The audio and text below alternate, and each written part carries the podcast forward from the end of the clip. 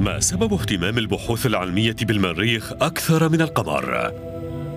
المريخ هو الكوكب الذي يلينا انطلاقا من الشمس لذا يدور حول الشمس في مدار أطول. وإضافة إلى الأرض يعتبر المريخ الكوكب الوحيد في النظام الشمسي الذي قد يمكن للإنسان العيش فيه. وهذا ما يجعله مثيرا للاهتمام. فللمريخ إيقاع فيما يتعلق بتعاقب الليل والنهار مشابه للأرض. واليوم في المريخ أطول ب 37 دقيقة فقط من اليوم في الأرض والذي شكل إيقاعاتنا الحيوية. بينما يعادل النهار أو الليل فوق القمر 14 يوما من أيام الأرض. والتباين شديد جدا في درجات الحرارة بين الظل والضوء.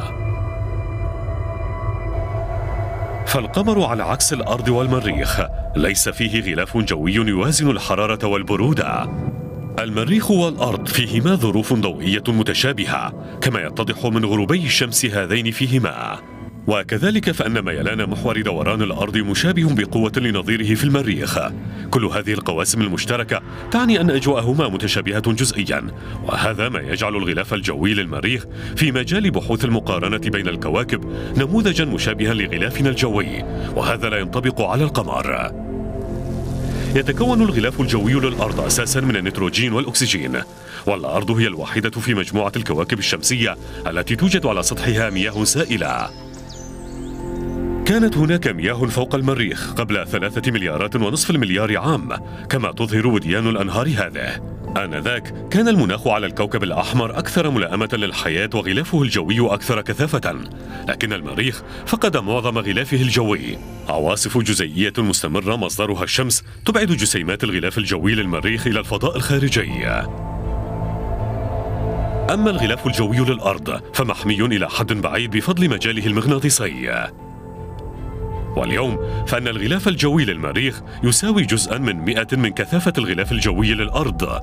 لذا تحول المريخ الذي كان ملائما للحياة إلى صحراء قاحلة ومتجمدة. لا يمكن أن توجد المياه على الكوكب الأحمر إلا في صورة جليد أو بخار. وفي قطبيه يكون الجليد موجودا على سطحه. وفي باطنه هناك الكثير من الموارد الملائمة للبؤر الاستيطانية البشرية. مسبار المريخ الأوروبي Trace Gas Orbiter عثر في بداية عام 2022 على رواسب ضخمة من مياه متجمدة تحت وادي مارينر وهو أخدود عظيم فيه.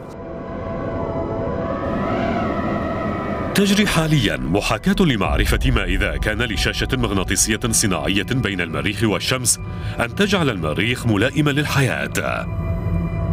سيرتفع ضغط الهواء ودرجة الحرارة. وسيؤدي ذلك لذوبان جليد ثاني أكسيد الكربون في قطبه الشمالي ما يعني إطلاق غازات الدفيئة التي ستحول الجليد إلى أنهار وبحار وهذا الأمر ممكن نظرياً.